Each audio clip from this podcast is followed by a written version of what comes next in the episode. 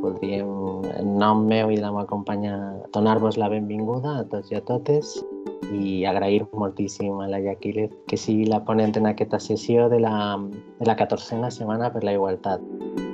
En aquesta edició està molt vinculada al, al paper de les dones no? i a la participació socioeconòmica i cultural de les dones com una eina per la igualtat.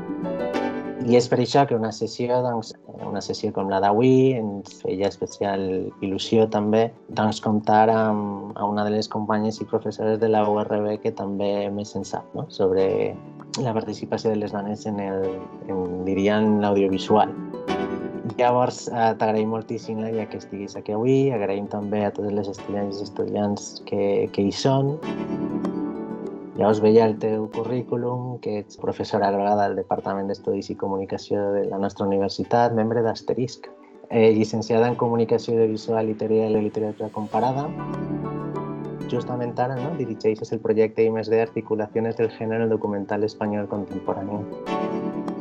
Doncs sense més reitero el nostre agraïment. Doncs moltes gràcies per aquesta presentació i benvingudes a les que avui us heu sumat. Intentaré senyir-me, no? no fer una ponència molt llarga, perquè també doncs, bueno, intentaré fer un esment a quatre pinzellades sobre, sobre el cinema documental espanyol contemporani amb perspectiva de gènere.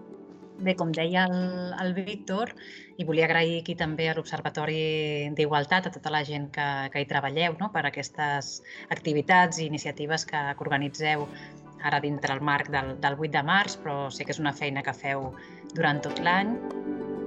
Bé, com deia el Víctor, aquesta xerrada s'emmarca també dins d'aquest projecte d'investigació, que és un projecte finançat pel Ministeri de Ciència. Ho llegeixo perquè van canviant de nom cada vegada, i llavors ara és el de Ciència, Innovació i Universitats, i és un projecte en el qual formen part també alguns docents d'aquest de, departament, del Departament d'Estudis de Comunicació, com són, per exemple, la, la Núria Araúna, el David Mauri, l'Eulàlia Iglesias, l'Enric Castelló o l'Anna Fonoll, que s'ha incorporat aquest any. Per tant, bueno, dir que és un projecte amb, amb moltíssima gent, amb un equip d'investigadores que estem treballant des de fa un parell d'anys. Uh, aquell tipus de pel·lícules de no ficció, potser no gaire mainstream, moltes de les quals no són gaire conegudes, algunes d'elles comentarem avui quin valor tenen i per què les incloem dintre de la nostra anàlisi, i són pel·lícules que d'alguna manera, com veurem, doncs donen presència i visibilitat històrica a les dones i altres col·lectius, no? identitats dissidents. I com ho fan? Doncs això és una mica el que farem avui. No? D'alguna forma donen presència a aquestes veus, no? ja sigui a través de testimonis, d'imatges d'arxiu i d'altres estratègies narratives que anirem comentant, i, per tant, d'alguna forma treballen perquè aquesta invisibilització doncs, eh, i les circumstàncies d'aquesta invisibilització i d'opressió no, acabin erradicant-se en, un, en un futur. Esperem que no, que no gaire llunyà.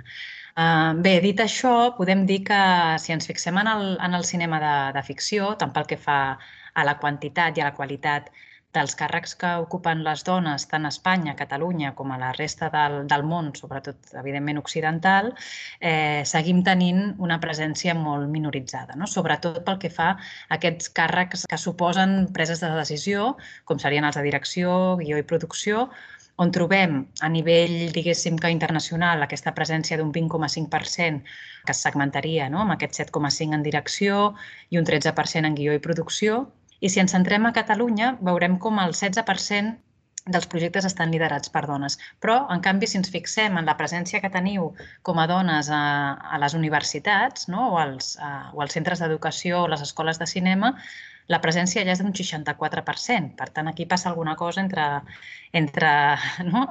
l'espai que ocupeu en l'àmbit educatiu i després la realitat quan sortiu d'aquí no? i arribeu a, a l'àmbit laboral. No? I, per tant, aquí hi ha un, un gap que hem de seguir treballant per, per revertir-lo. Perquè és important que també les dones dirigeixin, evidentment, ficcions i guionitzin i produeixin ficcions, perquè d'alguna manera la mirada d'aquestes representacions, i ara en parlarem d'això, també canvia. No? Com a major nombre de directores o pel·lícules dirigides per dones, major nombre de personatges femenins i també una, una major representació d'aquesta realitat nostra eh, de les pròpies dones. No? Per tant, és important doncs, assolir també aquests, aquests càrrecs.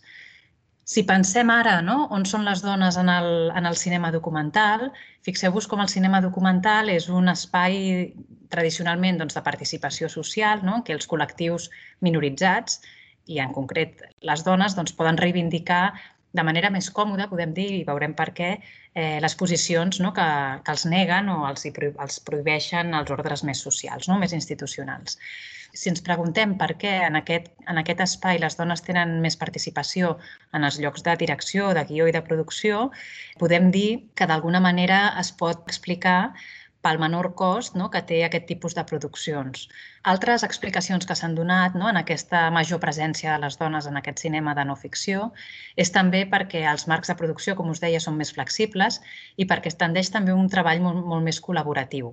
I això suposa que també és un, és un cinema més autoproduït i moltes vegades fins i tot mm, produït per una sola persona. No? I aquí estic parlant ja de cinema experimental, on les dones hi tenen una presència molt, molt notòria i és un cinema que es correlaciona també amb, el, amb la presència que tenim les dones a, a nivell social amb totes aquelles feines de voluntariat social o aquelles feines no retribuïdes econòmicament. No?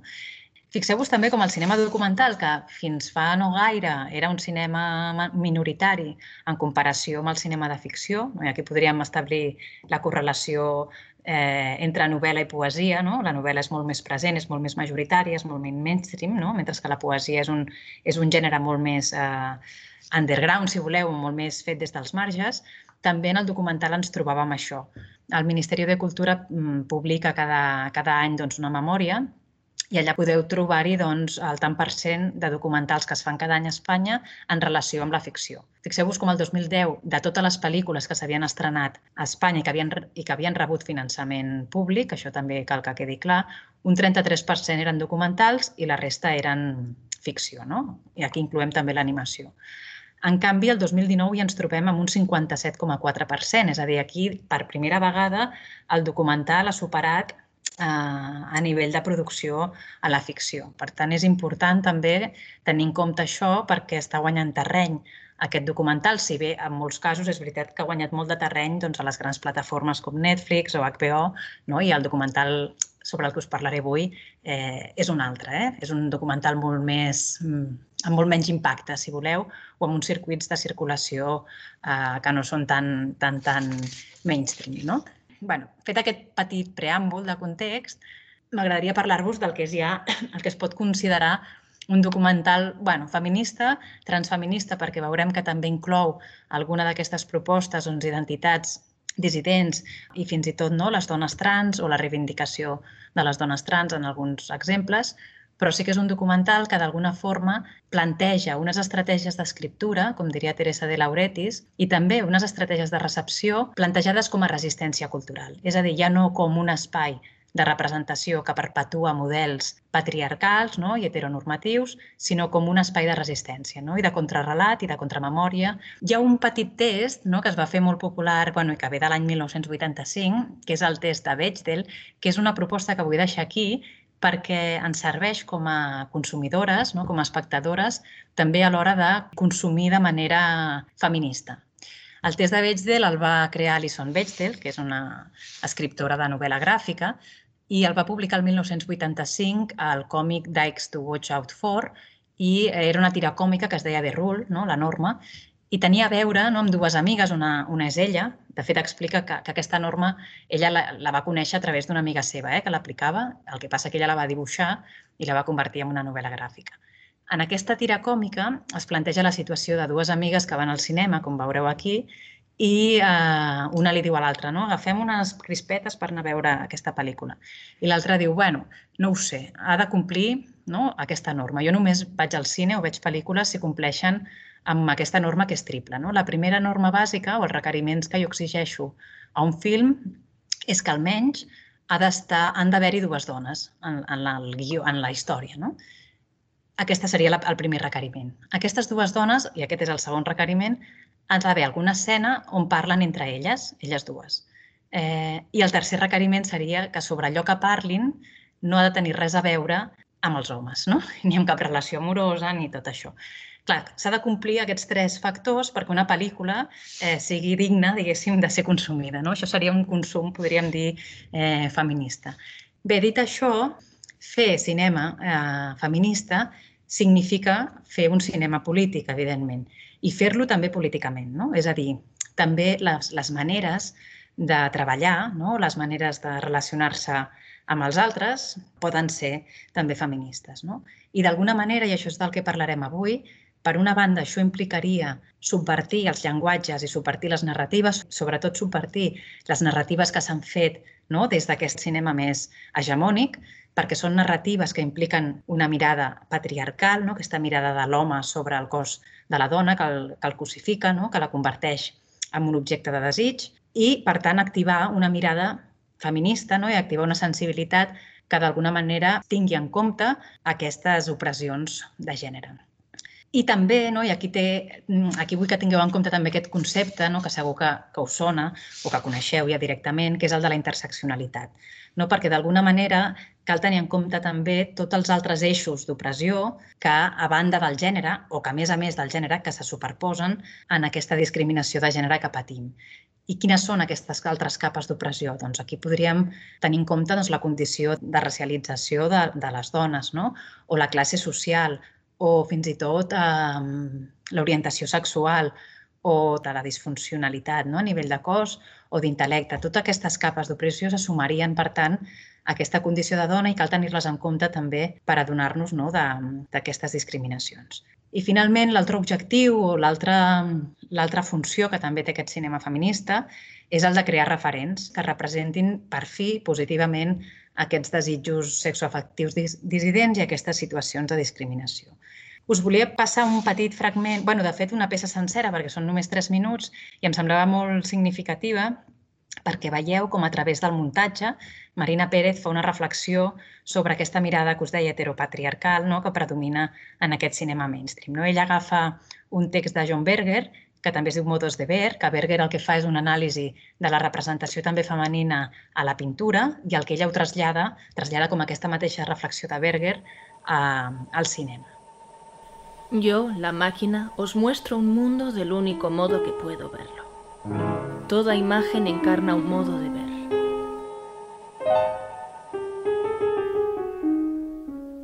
Los hombres actúan.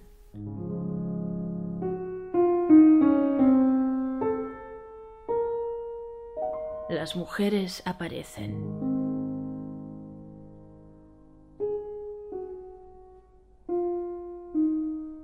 Los hombres miran a las mujeres. Las mujeres se contemplan a sí mismas mientras son miradas.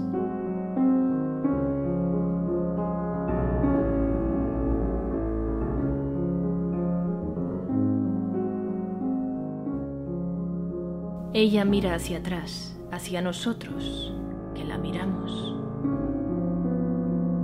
La perspectiva hace del ojo el centro del mundo visible un ojo masculino.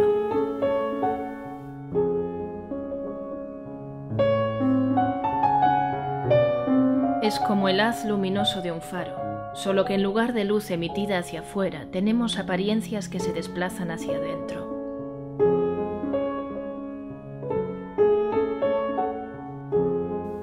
Las convenciones llamaban realidad a estas apariencias.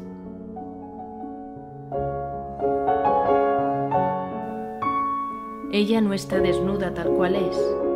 Ella está desnuda como el espectador la ve.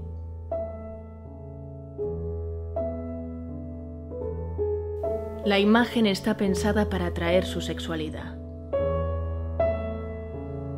Y nada tiene que ver con la sexualidad de ella. El mundo visible está ordenado en función del espectador.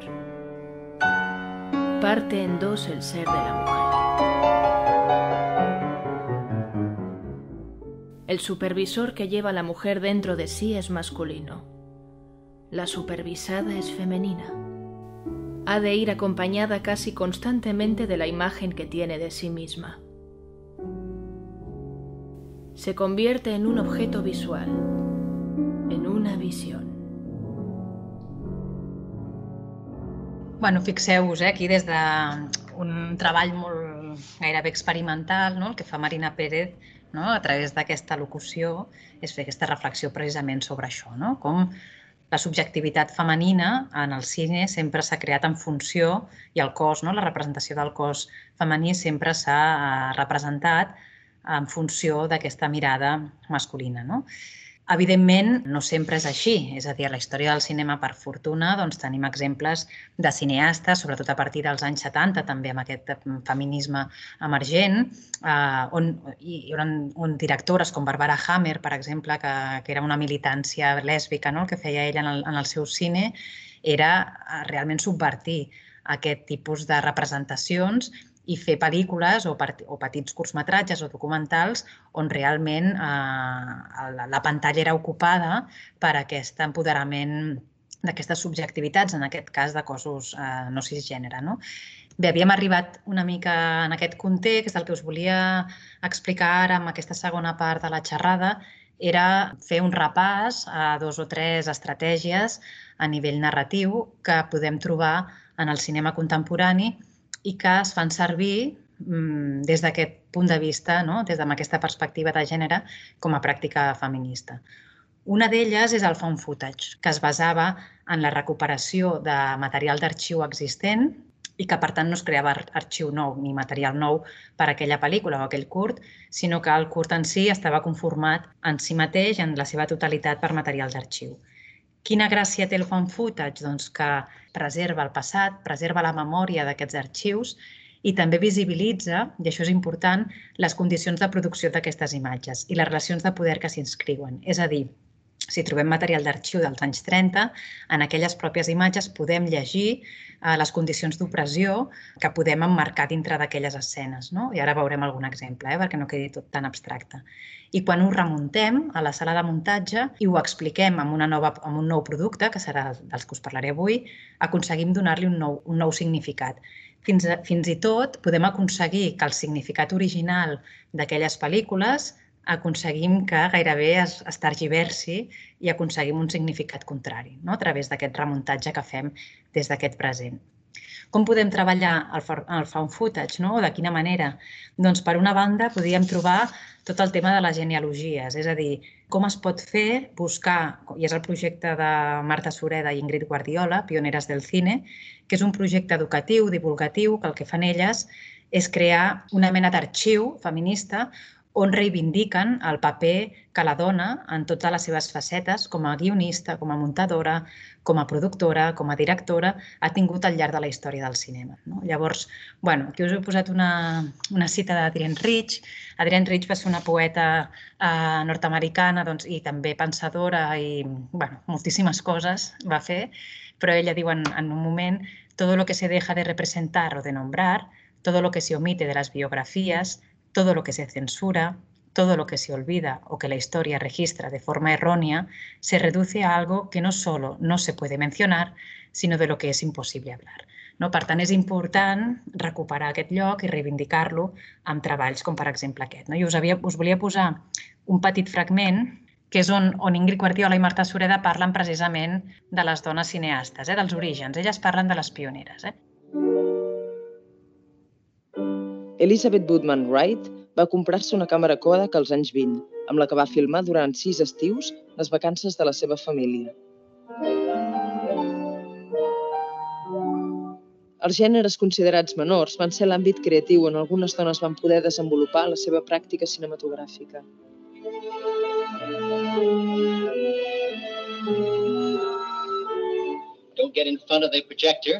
És el cas, per exemple, de la no ficció, on destaquen dones com Osa Johnson, pionera, juntament amb el seu marit, del documental etnogràfic, viatjant i filmant els habitants de poblacions d'Àfrica i Oceania, des d'una perspectiva colonial. Aquesta seria una, una de les maneres, com us comentava, de fer, de fer servir el found footage, de fer servir aquest material d'arxiu per crear no, nosaltres mateixes les nostres pròpies genealogies i els nostres propis referents. Bé, una altra manera de, de fer servir el fan footage, no, el material d'arxiu, és fer-lo servir d'una manera potser més creativa, no, no tan divulgativa, no tan educativa, sinó d'una manera on també es pugui recuperar material d'arxiu i alhora, com veurem en el cas del cinema de Carolina Estudillo, i alhora incloure-hi la pròpia subjectivitat de la cineasta.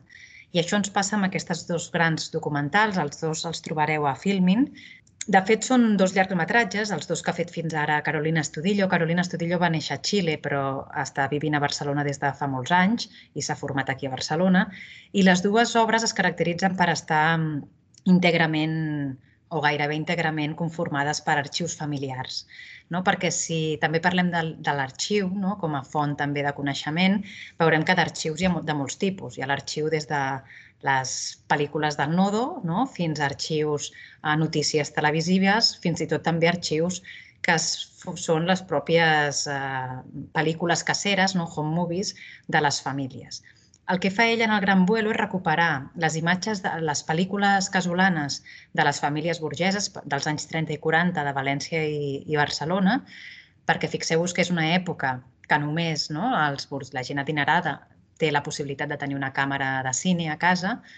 Llavors el que fa és agafar aquest material d'arxiu per explicar la història d'una dona que no té res a veure, no és de família burgesa ni molt menys, és una dona que passa penúries, passa gana, eh, pateix l'exili i de fet desapareix no? en un moment determinat i mai se sap què va ser d'ella. No? És Clara Puello, que va ser militant del PSUC, una dona molt resistent, eh, lluitadora, que a més va patir eh, la discriminació de gènere en el propi partit eh, comunista i que, per tant, en aquest, l'interessant també d'aquesta pel·lícula és que, que és que Estudillo no només visibilitza no, l'opressió que va rebre Clara Puello com a dona republicana, sinó també l'opressió que va rebre com a dona dintre del seu propi partit, per tant, dintre de les esquerres, no? que això també és un tema que a vegades és una mica tabú. I, I a més el que fan el Gran Vuelo, ara us posaré un petit fragment i el comentem si voleu, és també incorpora la veu de Clara Puello a través de les cartes eh, que ella va escriure durant, durant la seva lluita i també durant el seu exili, que són cartes que evidentment són molt íntimes, on ella expressa doncs, totes aquestes, aquests desencanta, desencantaments, no? aquestes decepcions que ella va visquent dintre del propi partit, no? com a dona i com a, i com a republicana. No hay imágenes que testimonien el trabajo de Clara en Francia. No es extraño. La mirada de la alta burguesía reconoce el cuerpo de las criadas en función de las niñas y niños que cuidan, y para acentuar su condición social. Las vemos en planos generales, sirviendo, o en encuadres cerrados que fragmentan sus cuerpos. Clara es deportada desde Francia en julio de 1940. Está embarazada. Un secreto que revela un amigo de infancia en una carta no enviada. Una carta que solamente puede ilustrarse con lo que no sucedió. Bueno, fixeu-vos aquí també, ja parlàvem d'allò que de la interseccionalitat, recordeu, no? com aquí també mm, Estudillo el que fa és també fer una reflexió sobre el paper de la classe treballadora, en aquest cas de les criades, no? en aquestes imatges que ella recupera eh, on fa aquesta anàlisi de com també la pròpia imatge inclou no, aquestes opressions i aquesta discriminació que patia doncs, aquesta classe treballadora que, evidentment, es feia, doncs, estava fora del camp no? i si apareixia, apareixia tallada perquè no era important. Allò importava registrar el nen, però no la criada que el treia a passejar. No? I com aquí fa aquest paral·lelisme també amb Clara Puello, amb la situació de la pròpia Clara i també del reste de dones que estaven en la seva condició. Sí que us volia dir que no sempre no? tot aquest documental feminista es pot fer de moltes maneres. Jo ara us he parlat molt del tema del fan footage i de la imatge d'arxiu i d'aquest treball eh, també intel·lectual no? sobre aquestes imatges que recuperem, però que també doncs, hi ha altres maneres doncs, de, de reivindicar, no? doncs, eh, i en aquest cas doncs, he posat el tema de la performance no? i de com els cossos es poden visibilitzar i de quina manera en aquests tipus de, de, de documentals.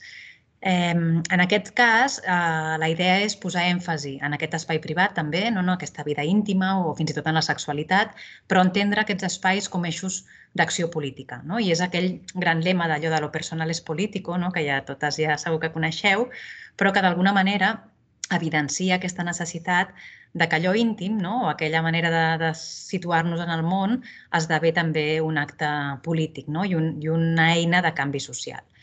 Per exemple, el cas del postporno, que no sé si teniu molt ubicat, però que de fet és una forma d'exploració de, audiovisual, podem dir, de la sexualitat i d'intervenció política alhora, no? Perquè el que fa el postporno és proposar un contrarrelat a la pornografia mainstream, no? a, a, hegemònica, i ofereix representacions de sexualitat divergents, cossos no normatius, no? i en aquest sentit el que fa per, precisament també és un acte polític. nos hemos presentado todas un poquito desde dónde venimos y yo vengo desde que a mí me diagnostican un cáncer de mama y me quedo en shock. Digo, ostras, esto no me está pasando a mí porque esto siempre le pasa a otra y de repente me pasa a mí.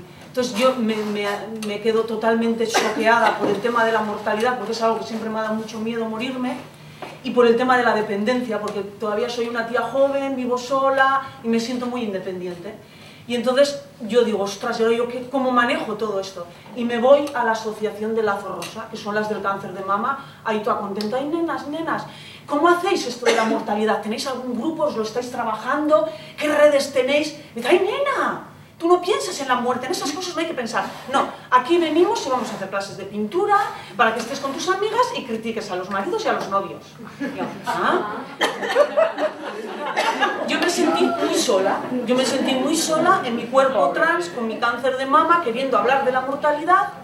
Si poseu postporno a internet, us trobareu amb moltíssims col·lectius que el treballen i, de fet, la, el documental que us he posat, que està molt bé i que és molt interessant, que és Arreta, perquè és un documental que, per una banda, eh, intenta inscriure no, aquesta subjectivitat dissident d'una dona trans, d'una identitat trans, en un cos que més pateix una mastectomia. No? És a dir, que eh, li han d'amputar els dos pits i com viu no, aquesta identitat, aquest subjecte, aquesta amputació més d'una part del cos que també aquí ha estat tan, femini, tan eh, estereotipada no? en moltes ocasions.